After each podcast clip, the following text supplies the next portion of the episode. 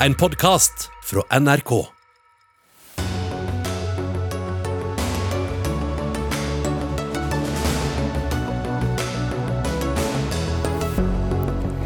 Smitteverntiltakene i skoler og barnehager virker, sier Folkehelseinstituttet, som advarer mot regjeringas forslag om mer hjemmeskole.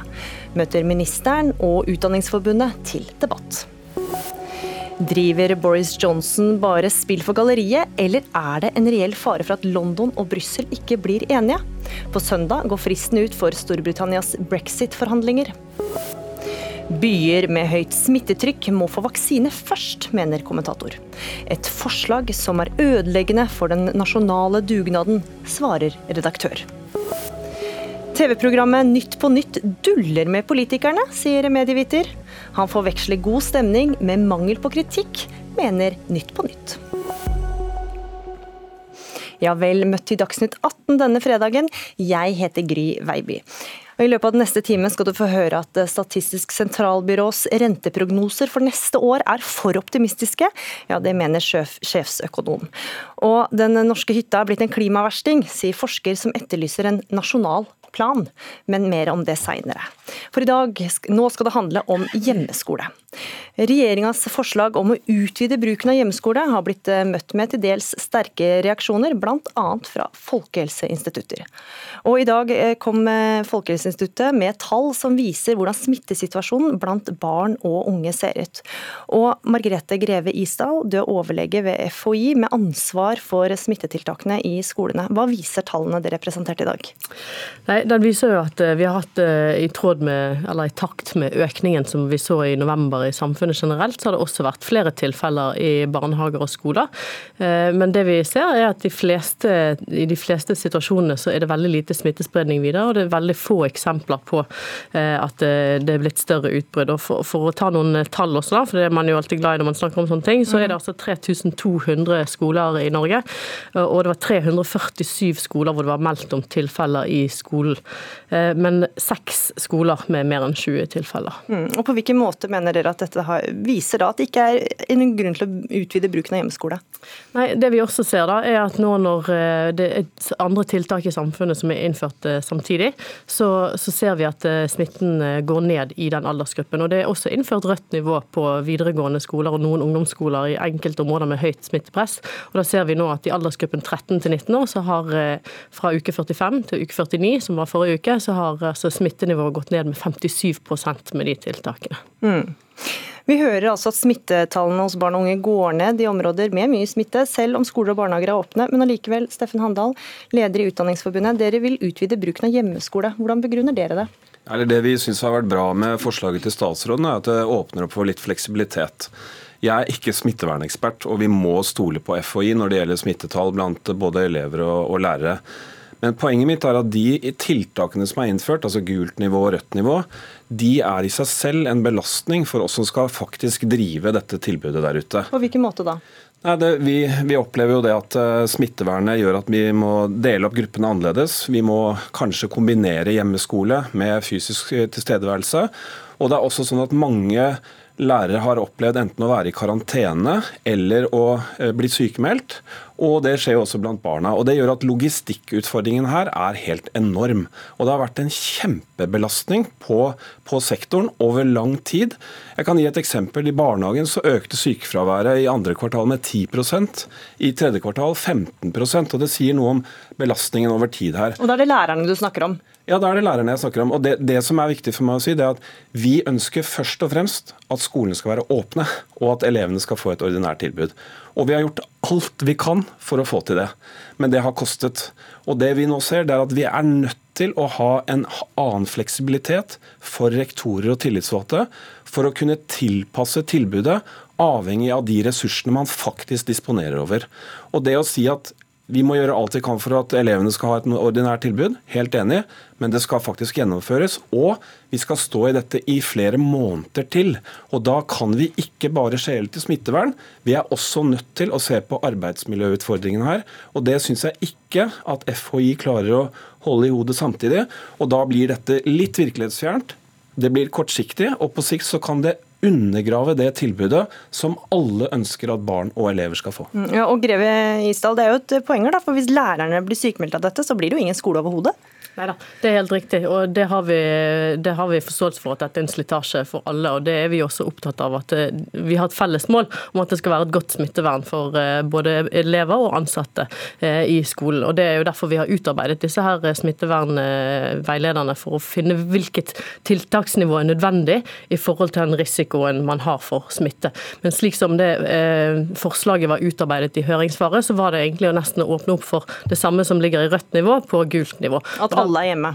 Ja, Nei, ikke at alle er hjemme, men at du skal ha like stor mulighet for å ha eh, hjemmeskole på det gule nivået, sånn som det var utformet, mm. som det vi har lagt opp til på Rødt. Og det vi ser at Det er utrolig viktig at vi ser på en helhet i tiltaket. for WHO sitt eh, mål for pandemihåndteringen er jo også at vi skal ha lavest mulig tiltaksbyrde for barn og unge. Og Når vi da ser at det ikke er økt smitterisiko for lærere, det hadde jo forandret situasjonen veldig hvis vi hadde sett at det var en, faktisk en økt risiko, men når risikoen ligger på gjennomsnitt dette, så ser vi at da kan vi på en måte eh, tillate at barn, mulig, barn, og unge får en mest mulig normal hverdag, fordi tiltaksbyrden er såpass stor ved at de skal være hjemme. Vi vet at det er skadelige effekter. Vi eh, har ikke så mye god effekt av de tiltakene. Men, men vi som er lærere, vi vet jo bedre enn noen at vanlig skole er det beste for alle. Men det er altså sånn at jeg har snakket med folk i dag senest som har vært, blitt sykemeldt. Eh, og som er veldig bekymret for om de i det hele tatt kommer tilbake til skolen. Og det er klart, Med et sånn økning i sykefraværet, så må jo alle være opptatt av å legge forholdene til rette for at dette tilbudet kan vare over tid. Og det er klart, WHO er også opptatt av at barn og elever skal få et opplæringstilbud. Og det henger så direkte sammen med lærernes arbeidsmiljø. Det å skille de to tingene fra hverandre og bare konsentrere seg om det ene, det er kortsiktig. Det kommer til å bryte sammen, det er jeg ganske sikker på. Mm. Guri Melby, nå ser jeg at du sitrer for å komme til ordet, kunnskaps- og integreringsminister. Det var altså på mandag at høringsfristen eh, gikk ut, og nå har dere fått alle innspillene. Dere ønska mer fleksibilitet i bruken av hjemmeskoler. Hva har dere landa på? Jeg har lyst til å forklare da, hva som var intensjonen bak forslaget. Eh, og så synes jeg jo at Innvendingene som Folkehelseinstituttet har kommet med, er egentlig gode. Det er jo litt av grunnen til at vi sender forslag på høring. At alle kloke hoder som har gode innspill til sånne forslag, får komme med sine innvendinger. Så skal vi vurdere dem. Men intensjonen vår var jo at på det som er gult nivå i dag, så er det egentlig ikke rom for å ha noe hjemmeundervisning. Det er det på rødt nivå. Da er det mange som har kanskje halvparten, eller litt mindre eller litt mer med hjemmeundervisning. Men på gult nivå så er det ikke rom for det. Tidligere i høst så fikk jeg henvendelse fra en lærer på en ungdomsskole som sa du, i valgfagene så pleier vi å blande klassene. Det kan ikke vi gjøre lenger nå. Det betyr at jeg sprenger mellom tre klasser samtidig for å ha timen de skal ha. Vi har ikke gode nok vikarer. Hadde det ikke vært bedre om jeg kunne få lov å ha akkurat de timene digitalt, sa hun til meg. Og Det tenkte jeg, vet du, det spørsmålet har jeg lyst til å kunne svare ja på, men det gir ikke regelverket vi har noe muligheten til. Så det som er intensjonen her er akkurat de eksemplene. Kanskje på en skole så kan det være greit at noen klasser starter en time senere for å slippe at alle skal ta bussen samtidig. Eller kanskje at den læreren som da er i karantene, kan drive med et undervisningstilbud, i stedet for at man setter inn en ukvalifisert vikar som ikke kjenner de elevene. Og men hvem skal bestemme det? Hvem jo, skal bestemme disse at, tingene? Altså, vi må ha tillit til skolene våre, til lærerne våre, til rektorene våre, skoleeierne i den situasjonen vi er i nå. Og de har vist, altså Disse tallene viser at de tar smittevern på alvor. Mm. Det er jo derfor vi ikke har hatt spredning i skolene og i barnehagene, for at de tar smittevern på alvor. Og jeg tror også at de tar barns opplæring på alvor. Mm. Det er jeg helt sikker på. Så det blir opp til den enkelte skole å avgjøre da, ja, om man skal ha mer bruk på hjemmeskole eller ikke? Vi er jo helt sikkert også alle enige om at vi ønsker jo ikke at dette skal brukes for mye. Jeg ønsker heller ikke det. Jeg ønsker ikke at vi skal ende opp i en situasjon der noen på gult nivå har kanskje halvparten av tida hjemmeundervisning. Det er det ikke ment som. Så hvis vi derfor trenger å ramme inn forslaget mer, så skal vi gjøre den jobben og se på det. Og da må jeg spørre deg, Steffen Handal, for hvordan sikre at det ikke blir brukt for mye? Nei, Det er et veldig godt spørsmål, og det er faktisk en bekymring vi bør ha. og Derfor er jeg helt enig med statsråden. Vi må, vi må ramme dette godt inn, og vi må også følge opp i ettertid. For det vi har sett er at Noen ganger så har kommuner også brukt disse tiltakene også for å spare penger. Og det kan vi jo ikke ha noen ting av. Men det jeg sier, det er at vi kan ikke ensidig fokusere bare på smittevern. Det må også handle om å ivareta de som faktisk skal gjøre jobben der ute. Og så har det også en konsekvens, eh, Grevistad, som dere skriver, at dette kan være direkte skadelig for dagens smittetiltak. Hvordan da? Altså, eh, De tiltakene som vi har i en kommune, eller som vi har lagt opp til eh, for at man skal redusere smitte der hvor det er økt smittenivå, det er en del av en pakke hvor skoler på en måte er en liten del av det. Så det er andre, mulige andre tiltak man kan innføre. Og sånn som situasjonen er nå, så har vi en dialog med alle kommuner som opplever økt smittetrykk, for å diskutere liksom, hvor skal vi legge inn tiltakene, hva er mest mulig målrettet, for at byrden skal være lavest mulig for befolkningen generelt, og også for skolene. Og Da ligger det røde nivået som ett av tiltakene man kan innføre. Og sånn som uh, Forslaget var utformet, hvor det, vi ser at det var omtrent det samme som det røde nivået, så ser vi hvor utrolig uh, altså Vi har lagt veldig tydelige kriterier til grunn da, for at man skal innføre det røde nivået, sånn at ikke det skal brukes unødvendig. Og Samtidig har vi også lagt inn hvilke krav som skal til for at man skal ned igjen på det gule. At det ikke skal vare for lenge, at man skal ned igjen på et gult nivå, nettopp for å kunne ha lavest mulig tiltaksbyrde. Og så vil jeg bare, og bare, til... spørre om en ting, for de som ikke har dette helt framme i pannekasken. Det med rødt nivå, hva, hva vil det si? Ja, det er godt, uh, godt poeng. Ikke alle som er helt inne i sjargongene her. Men det røde nivået for eh, videregående skole f.eks., så sier vi at du skal kunne holde én meters avstand i alle situasjoner, også inne i klasserommet. Det innebærer at man sjelden kan være fulle klasser. Sånn og, og rødt nivå innføres da når? Når du har et økt smittenivå i kommunen, mm. eller at du har det i den aldersgruppen, eller at du ser at det er et utbrudd som du må på en måte håndtere ved å ha eh, mer hjemmeundervisning. Og at det skal være eh, gode kriterier. og I tillegg skal det gjøres en konsekvensutredning, og man må ha kompenserende tiltak for de som er mest utsatte. og det, Dette vurderes av? Dette vurderes av FHI i samråd med kommunene. Det er kommunene som beslutter, men de er i en dialog med oss som gjør det. Og så vil jeg bare legge til, bare for at ikke det skal fremstå som at vi bare tenker på barn og unge for det gjør vi ikke. Vi tenker jo også på at det er veldig viktig at lærerne har et godt smittevern i skolen. og Det har vi sagt også helt siden mai, at det skal være mulig for lærere også å ha godt smittevern på skole, for, mm. nettopp for å hindre at det blir mye sykdom og karantene ja, det, er to, det er to ting her. Det ene er at uh, dere overlater liksom til arbeidsgiverne å sørge for arbeidsmiljøet. Det skrev dere i den kritikken som dere fremførte. Og det andre er at dere fremstiller det som at uh, hjemmeskole er én ting. Altså At man nå innfører hjemmeskole, det er ikke tilfellet. Det statsråden har sagt flere ganger, det er at man må åpne opp for en kombinasjon, sånn at man også på gult nivå kan benytte hjemmeskole i de tilfellene der hvor det faktisk er pedagogisk forsvarlig. Mm. Og Den fleksibiliteten mm. den vil faktisk øke muligheten for å holde seg på gult nivå.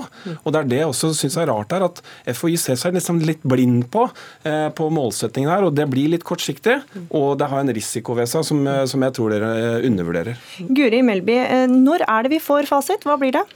Altså Når vi får de tilbakemeldingene som vi har gjort i en høringsrunde med 46 høringsinnspill, som vel var delt på midten ca., halvparten for og halvparten skeptisk, så er vi nødt til å jobbe ordentlig med det.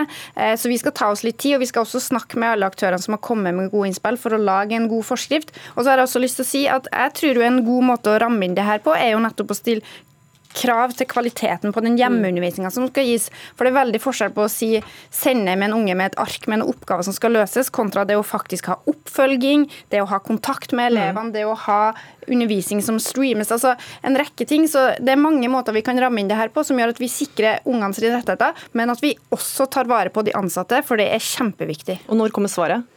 Etter jul. Etter jul. Takk for at dere var med i Dagsnytt 18, Steffen Handal fra Utdanningsforbundet, Margrethe Greve Isdal fra FHI og Guri Melby, eh, kunnskaps- og integreringsminister.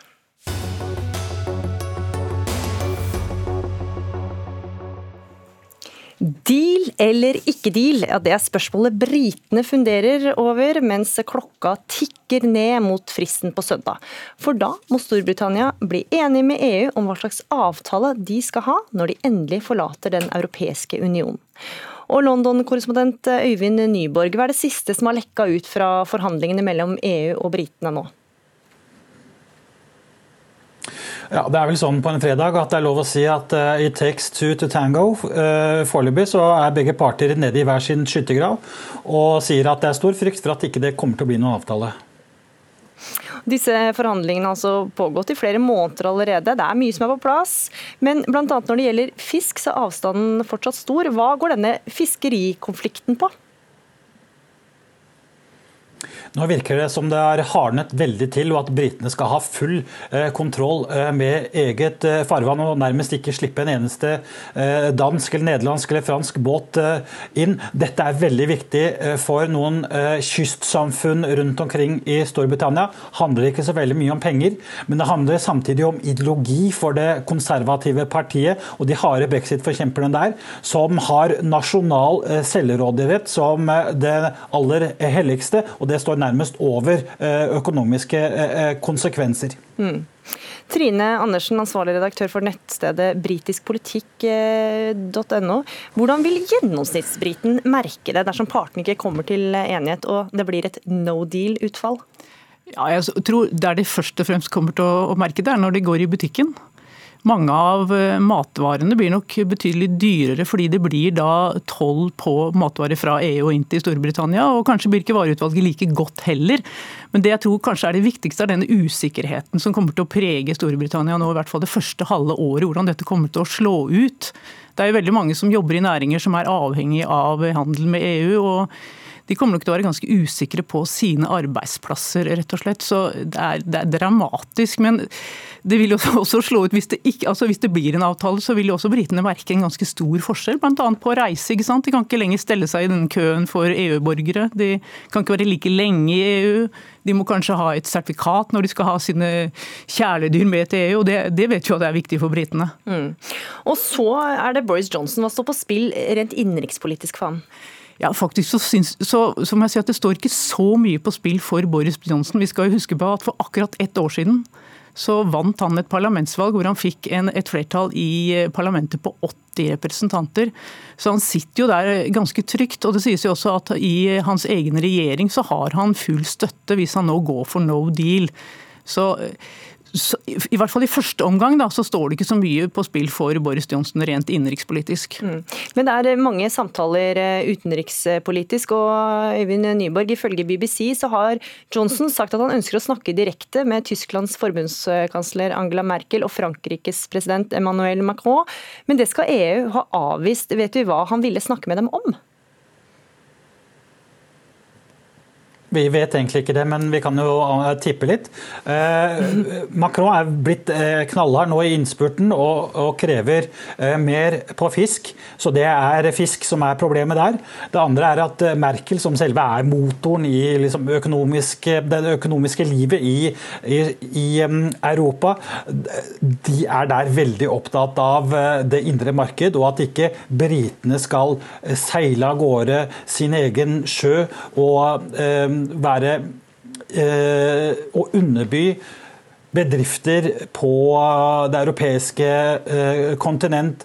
Eh, og det er noe av kjernen nå, og som ender opp i denne debatten som går på nettopp det som Boris Johnson sier. Vi vil ikke la oss styre av EUs lover.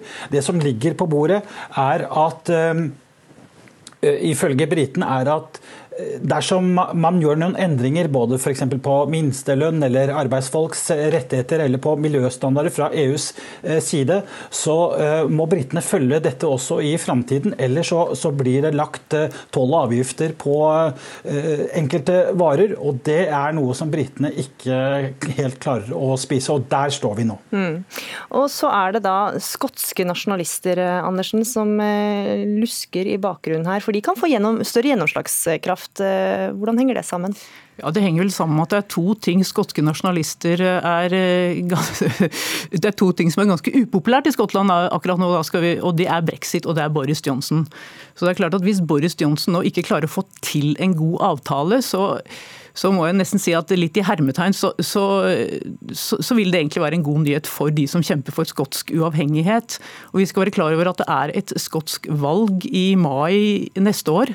Og får de skotske nasjonalistene flertall der, så er det nok veldig mye som tyder på at vi kan gå mot en ny folkeavstemning om skotsk uavhengighet. Ikke i 2021, men kanskje i 2022.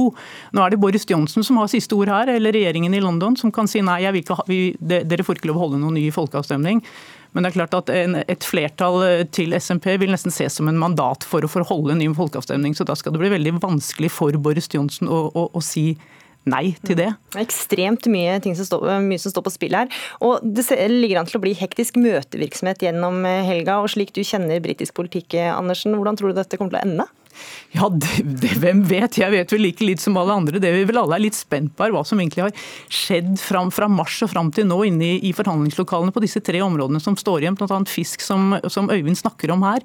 Altså, Har de kommet noen vei, eller står de på stedet hvil? Og, og hva skal til? Altså, det, det, vi vet som skal til, er jo at det må veldig store og vanskelige kompromisser fra begge sider til for at det skal bli noen avtale. Og Skal vi tolke signalene fra EU og Storbritannia, så er det vel ikke grunn til å være så veldig optimistisk, dessverre. Da er det bare å følge med hva som skjer, eh, med all hektisk møtevirksomhet og eh, klokka som tikker. Øyvind Nyborg, korrespondent eh, for NRK i London, og Trine Andersen, ansvarlig redaktør for nettstedet britiskpolitikk.no. Takk for at dere var med i Dagsnytt 18.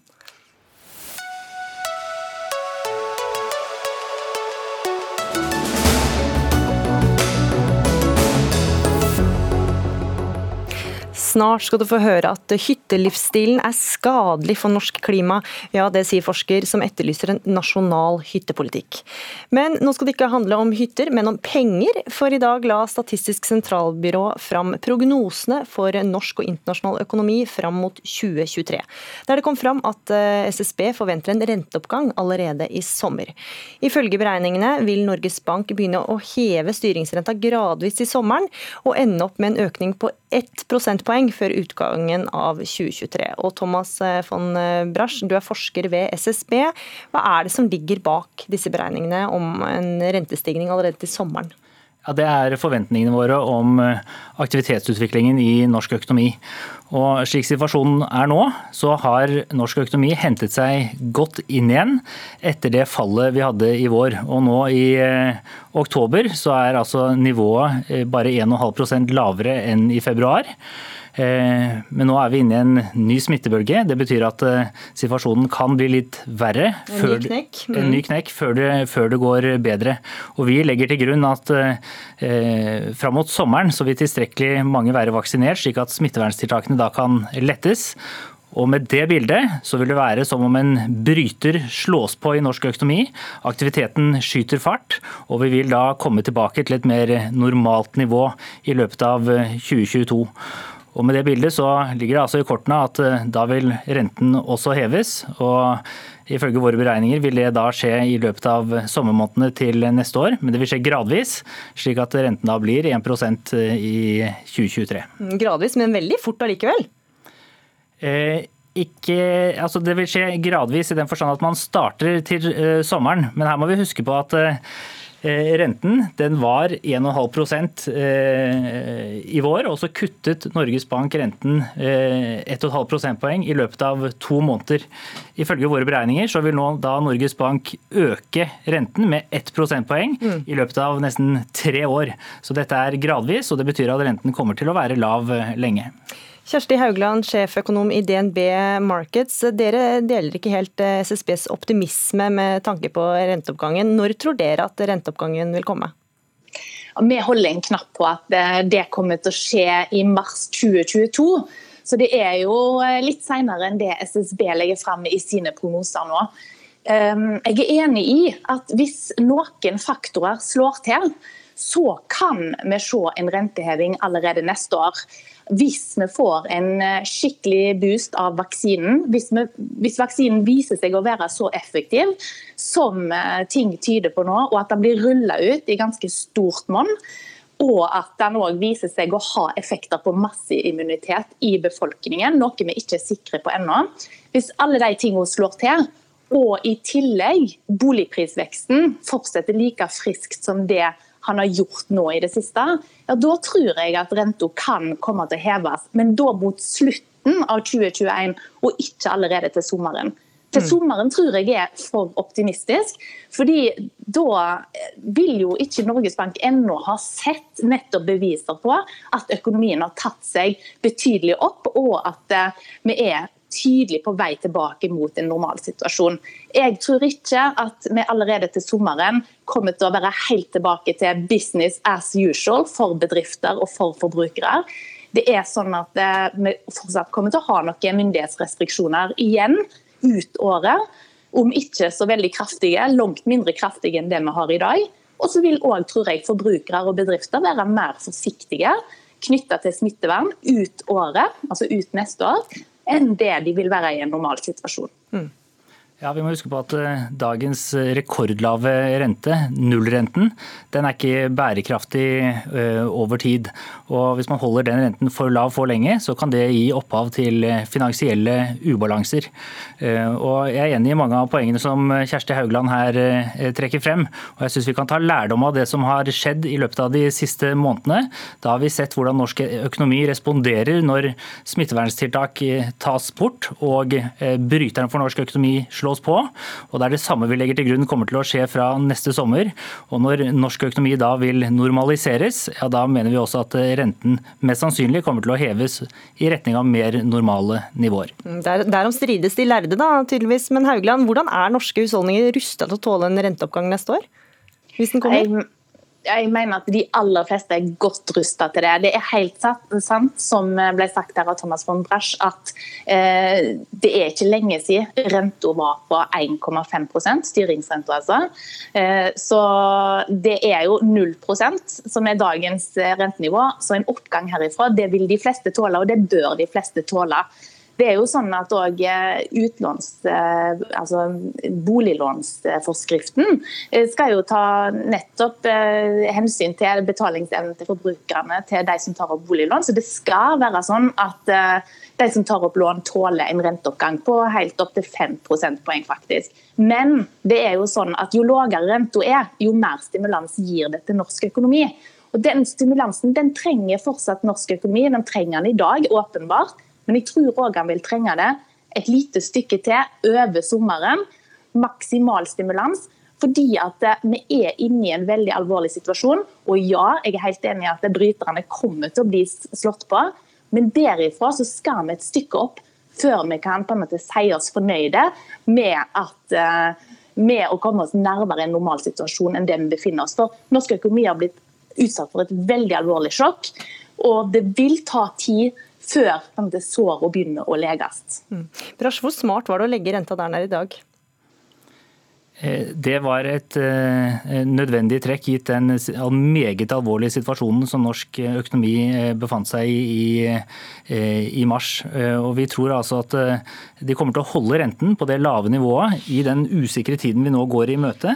Men med en gang en tilstrekkelig stor andel av befolkningen er vaksinert, smitteverntiltakene kan lettes, så vil aktiviteten ta seg opp ikke bare i Norge, men det vil også skje internasjonalt. slik at her vil man få en situasjon hvor de næringene næringene som har vært mest berørt av smitteverntiltakene i Norge, de vil igjen eh, skyte fart her hjemme. Men også eksportrettet industri vil dra nytte av den økte etterspørselen internasjonalt. Men alt dette da mest sannsynlig etter sommeren 2021. Mm.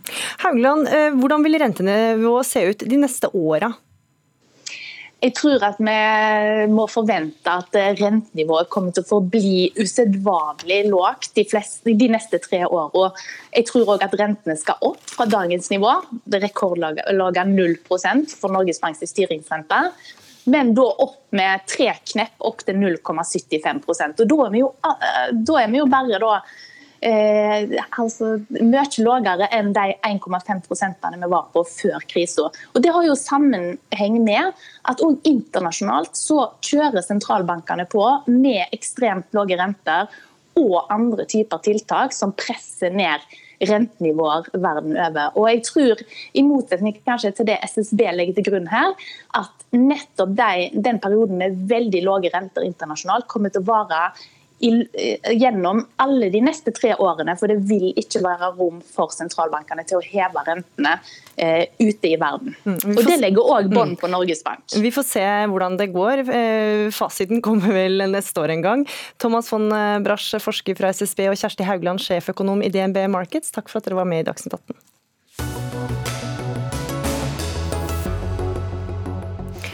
Da skal vi til debatten om hvem som bør prioriteres i vaksinekøen under pandemien. For regjeringa har anbefalt at det er de eldste og svakeste som skal få vaksina først, før også alle over 65 skal vaksineres. Men det er en prioritering som må diskuteres. Ja, Det mener du, Bård Bjerkholt, du er kommentator i Dagens Næringsliv. Og du tar til orde for at f.eks. byer med mye smitte bør prioriteres. Hvordan begrunner du det? Eh, ja, eh, det er jo også en eh, åpning som, som regjeringen og Helsedirektoratet har gjort. Men de har sagt at det er først aktuelt hvis smittetrykket er mye høyere enn det er nå. Og mitt spørsmål da er jo hvor høyt må det være før, før man foretar sånne prioriteringer? Og jeg syns jo også at hvis man ser på det utvalget som Folkehelseinstituttet har eh, satt ned, dette ekspertutvalget, så, så sier de eh, veldig klart at eh, det er eh, Det eneste målet, eller det viktigste målet, er å redusere Eh, antall døde og, eh, og alvorlig syke. Men, eh, men, det er klart, og, og, helt nederst på den listen kommer da hensynet til å kunne gjenåpne samfunnet. Mm, men, men, til, men til, det du tar til orde for, da, altså hvorfor skal byer med mye smitte få vaksineres tidlig? Nei, for Man må anta at de stedene hvor det er mye smitte, og det har stort sett vært i, i byene, mm. så er også smittevernrestriksjonene strammere. Eh, og, og skaden, altså både økonomisk eh, og, og, på annen måte høyere enn er da i, i, områder hvor det ikke er noe særlig smitte, og folk kan leve eh, tilnærmet mer som normalt, selv om de selvfølgelig må følge de vanlige, vanlige smittevernreglene. Mm. Ove Meldingen, du er redaktør i Telemarkavisa. Alle er jo enige om at de eldste skal vaksineres først, men hva er feil, mener du, med å prioritere mennesker i områder der smittetrykket er stort? Ja, Det er mye som er feil med det. det. Det, som er grunnleggende feil, er jo at det, eh, det, legges opp til en polarisering, en geografisk polarisering, hvor eh, man skal eh, prioritere Oslo og noen storbyer, som det står i den kommentaren, som utgangspunktet for debatten, istedenfor å spille på det som har gjort at resultatet i Norge har blitt så bra. Vi har stått sammen om dette gjennom samhold, gjennom beslutninger fra regjeringen som de fleste kan nikke anerkjennende til, så har vi klart å holde skadevirkningene både økonomisk og medisinsk på et minimumnivå i forhold til andre sammenlignbare land. Og så legger man nå opp til en helt ødeleggende debatt som sier at folk i Oslo, folk i storbyene, skal få vaksine før folk rundt omkring i landet. Og Det er jo heller ikke korrekt at det vedvarende har vært eh, størst smittetrykk i byene. Vi har hørt i Lyngdal, vi har hørt eh, eh, på Stord, vi har hørt rundt omkring i landet hvor de har fått bølger av smitte som har vært ganske ekstrem. Så hvis man går vekk fra de anbefalingene fra Folkehelseinstituttet, som regjeringen heldigvis har fulgt så langt, så risikerer vi at det samholdet som faktisk har ført til suksess, blir ødelagt. Mm.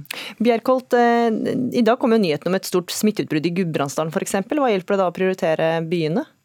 Nei, og Det kan jeg oppklare med en gang. Altså, eh, Mitt argument har jo vært at områder med høyt smittetrykk eh, skal eh, prioriteres. og det og Det kan jo stadig forandre seg? Det kan forandre seg, så, så man må selvfølgelig ta forbehold her om dette er praktisk mulig. Men, men jeg synes da som en sånn overordnet målsetning så, så er det viktig å redusere ikke bare, eller redusere de, de, totale skadevirkningene av pandemien, ikke bare forsøke å minimere eh, sykdom og, og antall eh, dødsfall. Og så vil jeg si at Det var sikkert veldig dumt av meg å bruke Oslo som eksempel her. i denne kommentaren. Fordi, det er et triggerord, det, vet du. Fordi jeg kunne like gjerne, og kanskje heller sagt Moss, hvor eh, smitten nå i det siste har vært høyere enn i Oslo. Eh, og Poenget er altså at hvis man da starter med de områdene hvor smitten er eh, størst, så vil også eh, man få redusert de totale skadevirkningene av, pandemien. Mm, og meldingen, Hvis resultatet for landet er å få kontroll på smitten, så må jo det være viktigst av alt? Det viktigste av alt er at vi sammen kommer gjennom dette så skadefri som mulig. Sant? Men Bård skriver jo en del ting. Han skriver Oslo, det er greit. det er jeg vet ikke om han ikke mente det, men det står nå faktisk i den eh, kommentaren. Man må jo lure på hvor galt det må gå i Oslo og andre store byer før flere vaksinedoser sendes dit og færre andre steder. Eh, om det var en misforståelse, vet jeg ikke, men det er nå det som står i kommentaren. Eh, det totale eh, tallene både når det gjelder døde og alvorlig syke og det økonomiske, må vi se i en sammenheng.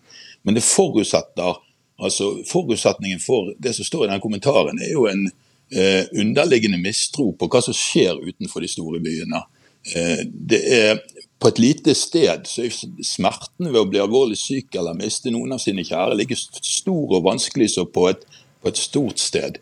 Så jeg forstår ikke i det hele tatt at man spiller opp til denne debatten når vi vet at det som skjer i neste fase nå, er at vi fortsatt må stå sammen. Vi skal kjempe for at de eldste, de mest utsatte og helsearbeiderne får, eh, får vaksiner før det kommer til resten av oss. Hvis vi begynner med den typen geografisk kamp som det er der, så er jeg redd for at vi kommer helt på ville veier.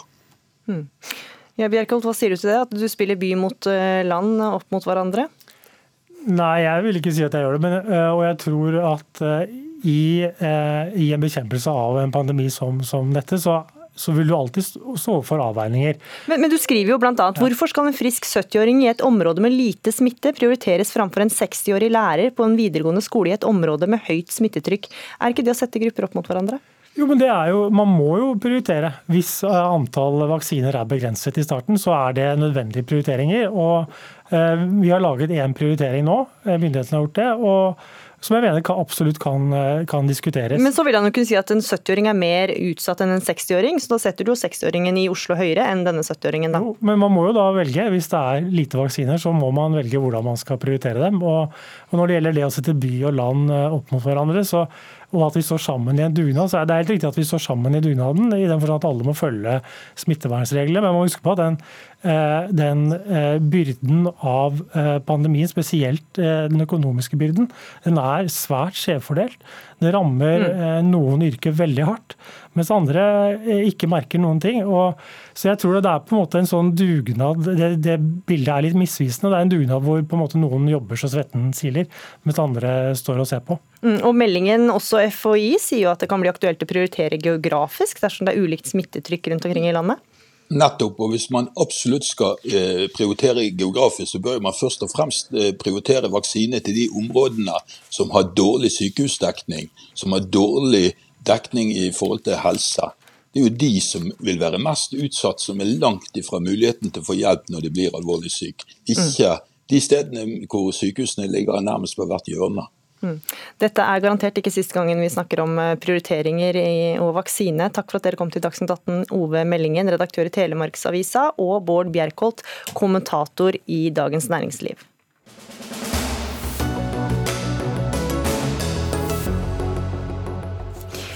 Fra spartansk utrusta hytter med langrennsturer og appelsin i solveggen, til luksuriøse hytter med varmekabler og alpinbakke utenfor.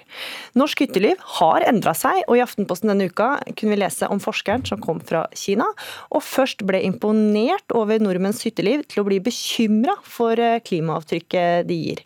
Og det var deg, det, Jin Chu, du er førsteamanuensis ved Norges miljø- og biovitenskapelige universitet.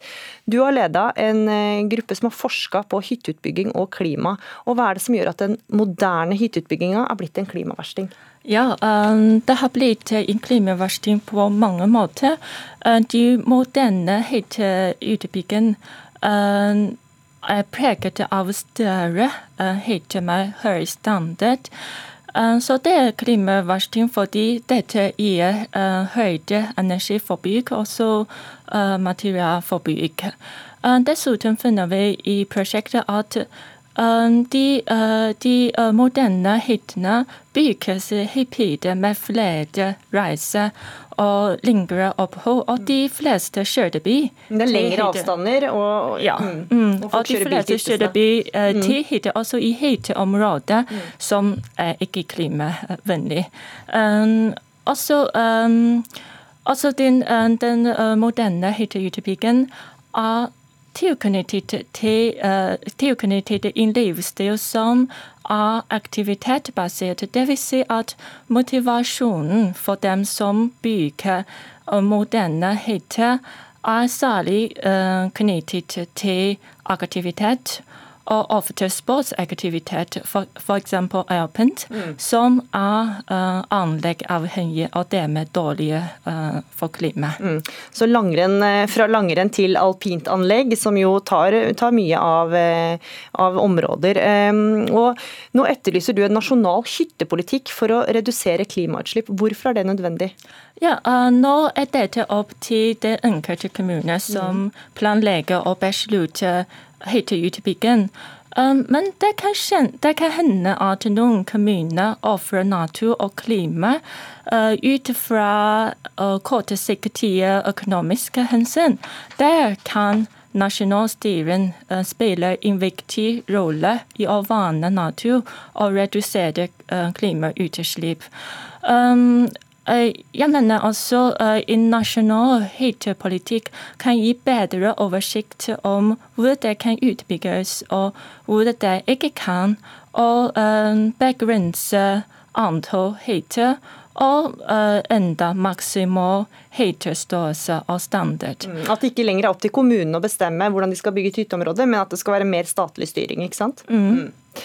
Mathias Fischer, statssekretær i Klima- og miljødepartementet. Hvor god kontroll har dere på hytteavtrykket, eller klimaavtrykket som hytter setter?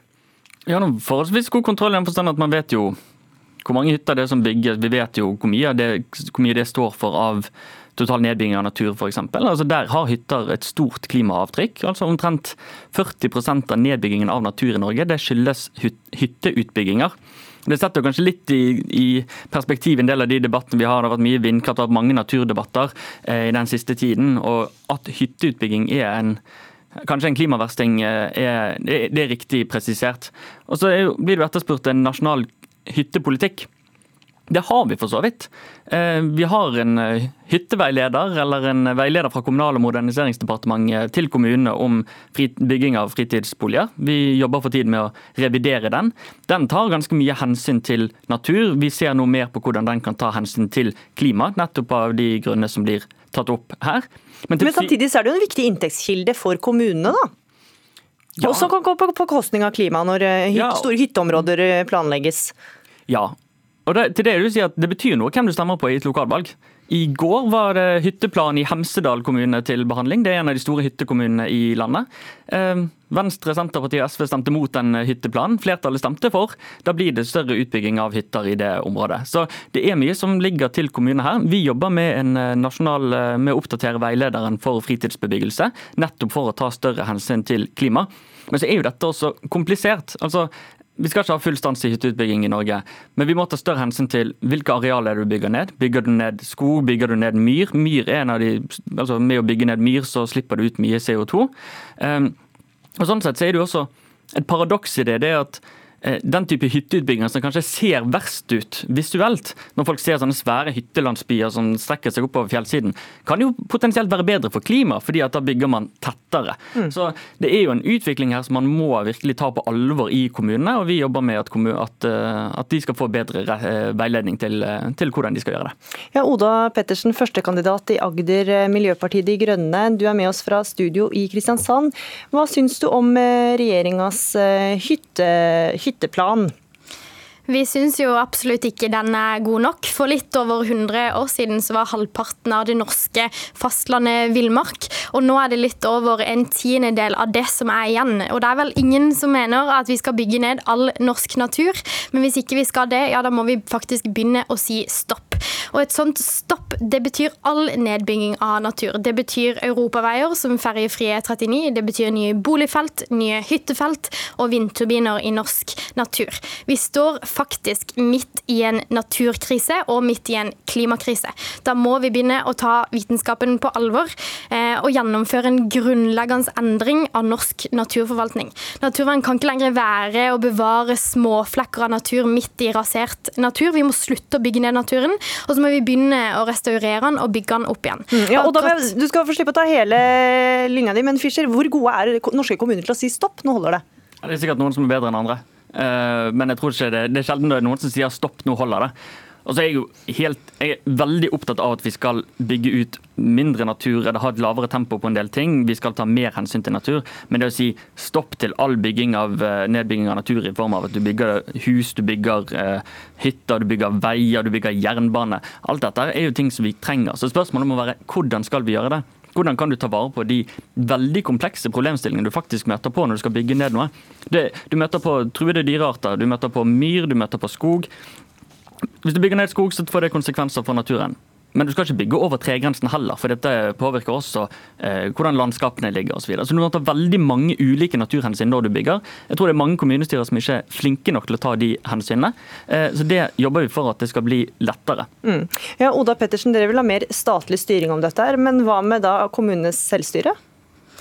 Ja, først må jeg bare si at Vi vet at Venstre snakker varmt om både klima og miljø og har gode intensjoner i både klima- og naturdebatten, men når det kommer til stykket og de har makt til å gjennomføre noe, så gjør de det ikke. De har sittet i regjering siden 2018, de har hatt klima- og miljøministeren mm. siden 2018, og de har ikke gjennomført noe.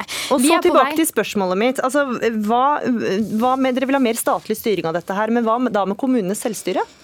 Altså, jeg er helt sikker på at det er veldig mange kommunepolitikere rundt om i det hele, hele, landet vårt som gjerne ønsker oss flere statlige styringer på akkurat dette problemet. Det er vanskelig å sitte som kommunepolitiker og si nei til prosjekter som hytteutbygging. Så jeg tror at det er veldig mange som vil ønske seg bedre retningslinjer. og Det er jo akkurat derfor vi foreslår at vi skal si nei til hytteutbygging utenfor allerede utbygde områder, og så si nei til at hytter som ikke har det allerede, skal få innlagt strøm, vann, kloakk og vei. Men holder det da med bare retningslinjer? Retningslinjer? Må man ikke si, eh, ha statlig påbud om at det ikke er lov?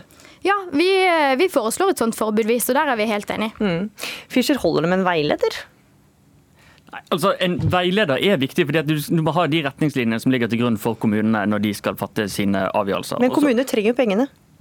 Ja, men jeg tror at Hvis du følger de debattene som er i hyttekommuner rundt omkring i hele landet, så er det ikke sånn at der er det et dunkende kjør for å bygge hele tiden. Det er levende politiske debatter, men det er politiske beslutninger som står bak. Det er politikere som må ta hensyn til hva slags kommune ønsker de å ha. Og Så tar, jobber vi for å ta mer hensyn til klima, legge til rette for at kommunene skal ta mer hensyn til klima. Og så, så, så, blir det sagt at Venstre har hatt miljøministeren siden, siden 2018, og det har ikke skjedd noen ting. Nei, det er riktig at det ikke har kommet et totalforbud mot utbygging av hytter i Norge. Det tror jeg ikke er aktuelt. Men vi skal ta større hensyn til natur, ta større hensyn til klima. Men det er veldig viktig å understreke at de kommunene som har disse debattene, de må jobbe for å ta eh, bedre beslutninger. Og det er krevende å balansere veldig mange ulike naturhensyn samtidig. Og det jobber vi for at skal bli bedre. Mm. Pettersen, hva sier du til det? Altså, du, du kan godt si at eh, vi skal begynne å gjøre noe, men poenget mitt er jo at dere ikke har gjort noe. Nå har dere sittet med makta i snart tre år. Da kunne dere fått på plass bedre, bedre regelverk for akkurat dette. Og så er også poenget vårt at så klart skal folk få lov til å reise på hytta. Det er jo kjempebra. Det er mye bedre og mye mer klimavennlig enn å ta en helgetur til London. Poenget er bare at nå har vi nok hytter. Nå er vi nødt til å slutte å bygge ned den fine naturen vi har, og heller ta vare på den. Eh, og da må man heller få på plass gode delingsordninger. Mm. Chu, er det å eie en hytte er det uforenlig med kampen for å bedre klimaet? Nei, det vil jeg ikke si. Um, jeg tenker det, uh, det er ikke et uh, enkelt svar til det. Det er et uh, veldig komplekst problem. Um, men jeg mener det kommer an, det kommer an på som, hva som er formålet med å redusere klimautslipp, og hvor ambisiøse vi er i møte med klimautfordringen. Det er et argument uh, som sier at uh, som, som, sammenlignet med å reise til siden med fly, er det mer klimavennlig med å reise til hytta i landet.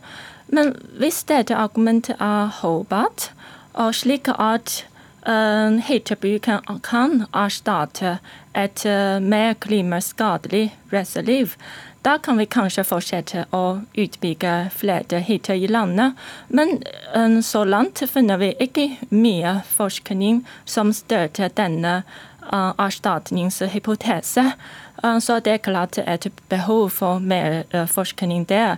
Men dessuten, det er ikke bare klima som er viktig utbygging av hytter kan jo aldri unngå å skade natur. Så det er en trade mot overforbruk og ubegrenset utvikling som jeg er kritisk til. I forskningsprosjektet har vi foreslått to alternative hyttepublikk uh, mindre eller mer radikale. I den mindre radikale hyttepolitikken utfordrer vi ikke um, markedsetterspørselen etter et hytteliv. Men vi utfordrer den moderniseringen trendelig mm. i utvikling. Mm. Men vi kan gjøre utvikling mer klimavennlig. F.eks. Uh, fortetting uh, eller et uh, samordnet areal- og transportpolitikk. Mm. Men uansett altså eh, mer statlig styring etterlyser du. Nå har i hvert fall beskjeden overbrakt til deg, Mathias Fischer, statssekretær for eh, Klima- og miljødepartementet. Takk for at du kom til Dagsnytt 18. Takk til deg, Jean Chu, som er førsteamanuensis ved Institutt for by- og regionplanlegging, og Oda Pettersen, førstekandidat i Agder MDG. Takk for at dere var med i Dagsnytt 18.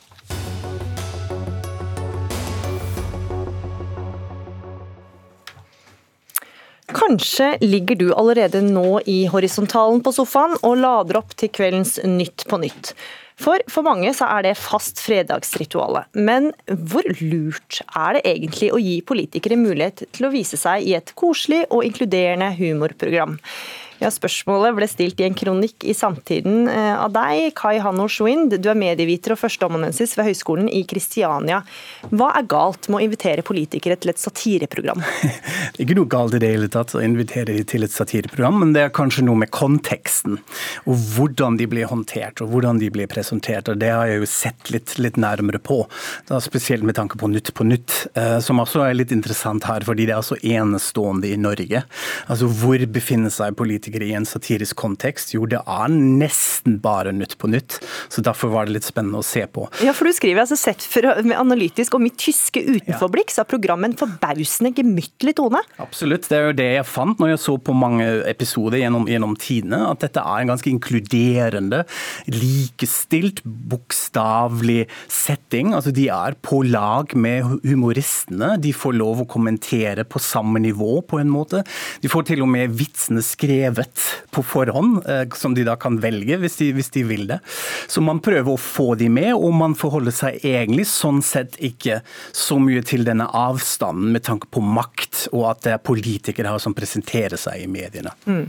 Kjetil eh, Koiman, du er prosjektleder for Nytt på Nytt. Altså, dere ble altså eh, sagt at dere duller med politikerne. Hva sier du til den kritikken? Det er vi veldig overrasket over. Det blir litt som når NHO skriver smittevernveileder for regjeringen. Det, det er noen viktige fakta fakta som har blitt borte her, som som er veldig overrasket over konklusjonene til Kayano. Eh, du skriver bl.a. at den satiriske kommunikasjonen pågår ikke direkte og konfronterende. Eh, og det opplever vi at vi gjør hver eneste fredag, og særlig når vi har politikere på besøk. Jeg tror jeg har tatt med et klipp. Ja, for du ville nemlig vise dette her med et klipp der ja. Carl I. Hagen er besøk, på besøk. Riktig, som er et av de programmene Kai Hano har sett på. Det Snakkes om ulv. La oss se på det i Oppland. Og der er det altså slik at veldig mange foreldre med små barn er livredde for å sende de små barna ut i skauen for å gå på ski og leke fordi de er redde for ulven. og Da skal vi ta hensyn til den befolkningen, og mye mer enn de som bor på Grünerløkka i Oslo som gjerne vil ha ulv. som Carl, er oppe i Hedmark. Carl. Hagen, Sist gang en person ble mistenkt for å bli drept av ulv, var under napoleonskrigen. Det hjelper ingen. Det er helt sant, under napoleonskrigen. Ja, men det, Fortell det til de mødrene som er engstelige for å sende barna ut. Ja, men folk er jo redde for gluten på Grünerløkka, vi har jo gluten.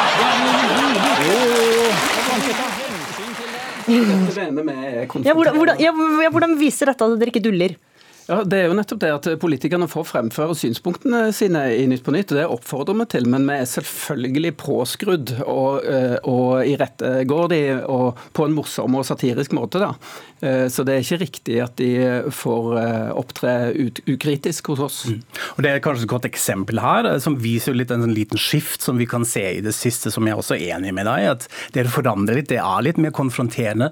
Samtidig, hvis du er litt mer, mer pirket med dette her, så kan man også si ok, dette er kanskje litt lett bytte med Carl I. Hagen. Det vært kanskje litt mer edgy å konfrontere Senterpartiet med ulvepolitikken, og så er egentlig punchlinen litt sånn mot Løkka-hipsters. Ikke nødvendigvis mot Hagen.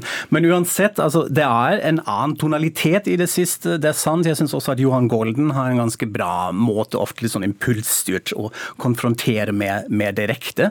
Men settingen og hele konteksten syns jeg fortsatt er ofte veldig litt, litt uh, ukritisk. Men hva er problemet med det at politikerne stiller opp? Er ikke det bare bra at de stiller opp i ulike programmer og man ser at de kan være morsomme? Ja, de gjør jo det, men er ikke det litt naivt òg? At man er ikke obs på hva slags sjanger av politikere vi har det å gjøre med i dag. Dette er ikke hvilke som helst folk. Dette er folk som har PR-rådgivere i bakgrunnen, spinndoktorer. De har en agenda. Så når vi koser oss i, sofaen og spiser tacos, så er de på jobb. Uh, og de har noe å formidle. Uh, og det er en slags hierarki da som jeg mener en satirisk kontekst må være mer kritisk til og mer utfordrende til. Altså, dette er jo helt, hvor, helt feil. Nei, men hvor, hvor, hvor, stor grad er dere bevisste på at dere bidrar til å bygge politikere også? At de, de er på jobb? De er på jobb, og de har en agenda, og det er vi selvfølgelig 100% klar over. Det er et bra spørsmål Kai Hano stiller, men han har ikke sett programmet hvis han påstår at de ikke blir møtt med satirisk kritikk. Så du tror at de ville kommet uansett, om dere kanskje hadde vært mer edgy mot dem? Absolutt, det tror vi, og vi er veldig glad for at i Norge så har vi en veldig åpen offentlig debatt hvor politikere kan komme med synspunktene sine. Og hvis de ikke kommer med synspunktene sine, så får vi i hvert fall ingen mulighet til å kritisere dem med den som målbærer synspunktet til stede i studio, da. Nå sier jeg jo ikke at det ikke skjer i det hele tatt, eh, men vi har kanskje en litt ulik oppfatning da, av hvordan den kri ja, kritikken ser ut. og Det er kanskje preget av min kontekst når jeg tenker på hjemlandet mitt, eh, men også en del andre land også eh, det formatet Nytt på Nytt er basert på, hvor det, det er en annen stemning da. For du vil jo ikke at Nytt på Nytt skal bli som Dagsnytt 18 heller? Nei, det er jo ikke det. Men det er jo det, og det er jo, det, det er jo veldig fascinerende sett utenfra hvor tilgjengelig politikere er, hvor ofte de stiller opp, og hvor hard debattklimaet er. Så noen ganger når jeg våkner til Politisk kvarter, så er det sånn herregud, hva slags temperatur er det der? Men dette er en annen kontekst, og da har vi en, en slags humoristisk, satirisk framing, og den syns jeg burde være litt skarpere. Mm. Vi tror ikke munnhuggeri og avbrytelser er veien til et åpent demokrati. men jeg syns det er veldig bra at politikere kan stille opp i et humorformat og bli hersa med på satirisk vis. Og hvis man ser Nytt på Nytt, så vil man se at alle eh, vitsene og poengene som kommer i politikernes retning, de har et satirisk poeng som er kritisk til det ståstedet de målbærer. Og så går det nå, vi, vi går jo snart inn i et valgår. Hvor bevisst er dere på da politikerne dere bruker, ja, og hvor det... mange dere bruker fra ulike partier og sånne ting? Ja, det, med, Dette har jo òg Kai Hano sett på, og der er vi jo ganske balanserte. De fleste politiske partier i Norge får slippe til i Nytt på Nytt. Og vi, vi tar de gjestene vi ønsker oss, rett og slett. Eh, og konfronterer de alltid med den politikken de står for. Eh, Slagsvold Vedum er nevnt her. Nå hadde det ikke blitt skutt noen ulv den uken han var med hos oss. Så derfor så var ikke det en sak. For vi velger jo ukas nyheter eh, ut, basert på, på et aktualitetskriterium, akkurat som Dagsnytt 18. Det er de viktige sakene vi tar opp og det er de viktige samfunnsproblemene vi snakker om, men med humor og smil og latter, som gjør at kanskje Kai Hanno har blitt forvirra og tror at det ikke ligger noe kritikk i det som sies. Men hvor mye, hvor mye får politikerne påvirke det som blir sagt da? De, får, de oppfordres til å måle, nettopp stikk i strid egentlig med, med det som er premisset for eh, Kai Hano sin kritikk, da, så oppfordres de til å målbære synspunktene sine, til å eh, ta de med i studio og, og si de høyt og tydelig, nettopp for at vi skal kunne drive satire om eh, de politiske ståstedene deres. Mm. Hva hadde skjedd om eh, Nytt på Nytt hadde blitt sendt til Tyskland? Ja, altså For det første har det ikke så mange politikere stilt opp som har, eh, liksom på godt og vondt. Dette er jo også fascinerende. Dette tuller dere jo litt med i den jubileums-best-offen at eh, Johan hadde rota bort invitasjonen til Angela Merkel. Hun hadde nok ikke kommet i det hele tatt. Eh, men nå i det siste ser vi jo at flere politikere stiller opp i satiriske intervjusituasjoner, og da er det bein her. Da handler det om hvordan klare politikere seg mer, på en mye mer konfronterende måte måte. Ja, og så er jo norske politikere kanskje litt i særstilling. Vi har alle sett, alle sett bilder av eh, Slagsvold Vedum med parykk og ja.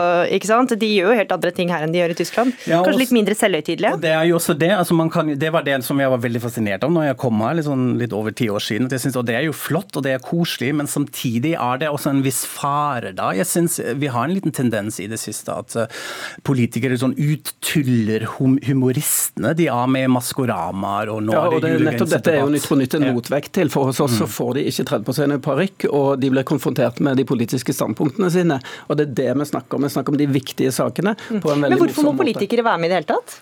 Det er jo veldig bra at vi kan ha med politikere og konfrontere dem med politikken som de bedriver. Med satire er maktkritikk. Vi inviterer maktmennesker for å kunne kritisere dem, og vi gjør det på en morsom måte. Kanskje så morsom at det ser ut som det ikke er kritikk, men da må man se programmet litt nøyere. Ler du av når du ser på det? Ja, selvfølgelig. Jeg koser meg også med, Nytt på men det er akkurat da det ligger. der. tror det er da vi er uenige. At man er fortsatt At det er en viss fare at man går i det vi kaller for satireparadoks. At man tuller litt for overfladisk, litt for snill, og egentlig er med sånn image imagebygning av politikere selv. Det at Slagsvold Vedum har morsom latter, og ikke mm. sånn skarp satire. Ja, der vil jeg også tilbake. Ja, skal... Jeg tøyser med latteren til Slagsvold Vedum. Ja. Jeg tøyser med politikken hans. Ja, fikk du i hvert fall røska litt i oss, og de som ser på Nytt på Nytt, Kai Hanno Schwind, medieviter ved Høgskolen i Kristiania, Kjetil Koiman, prosjektleder i Nytt for Nytt, for nå er Dagsnytt 18 over. Gry Veiby, Frode Thorshaug og Dag Dørum takker for følget.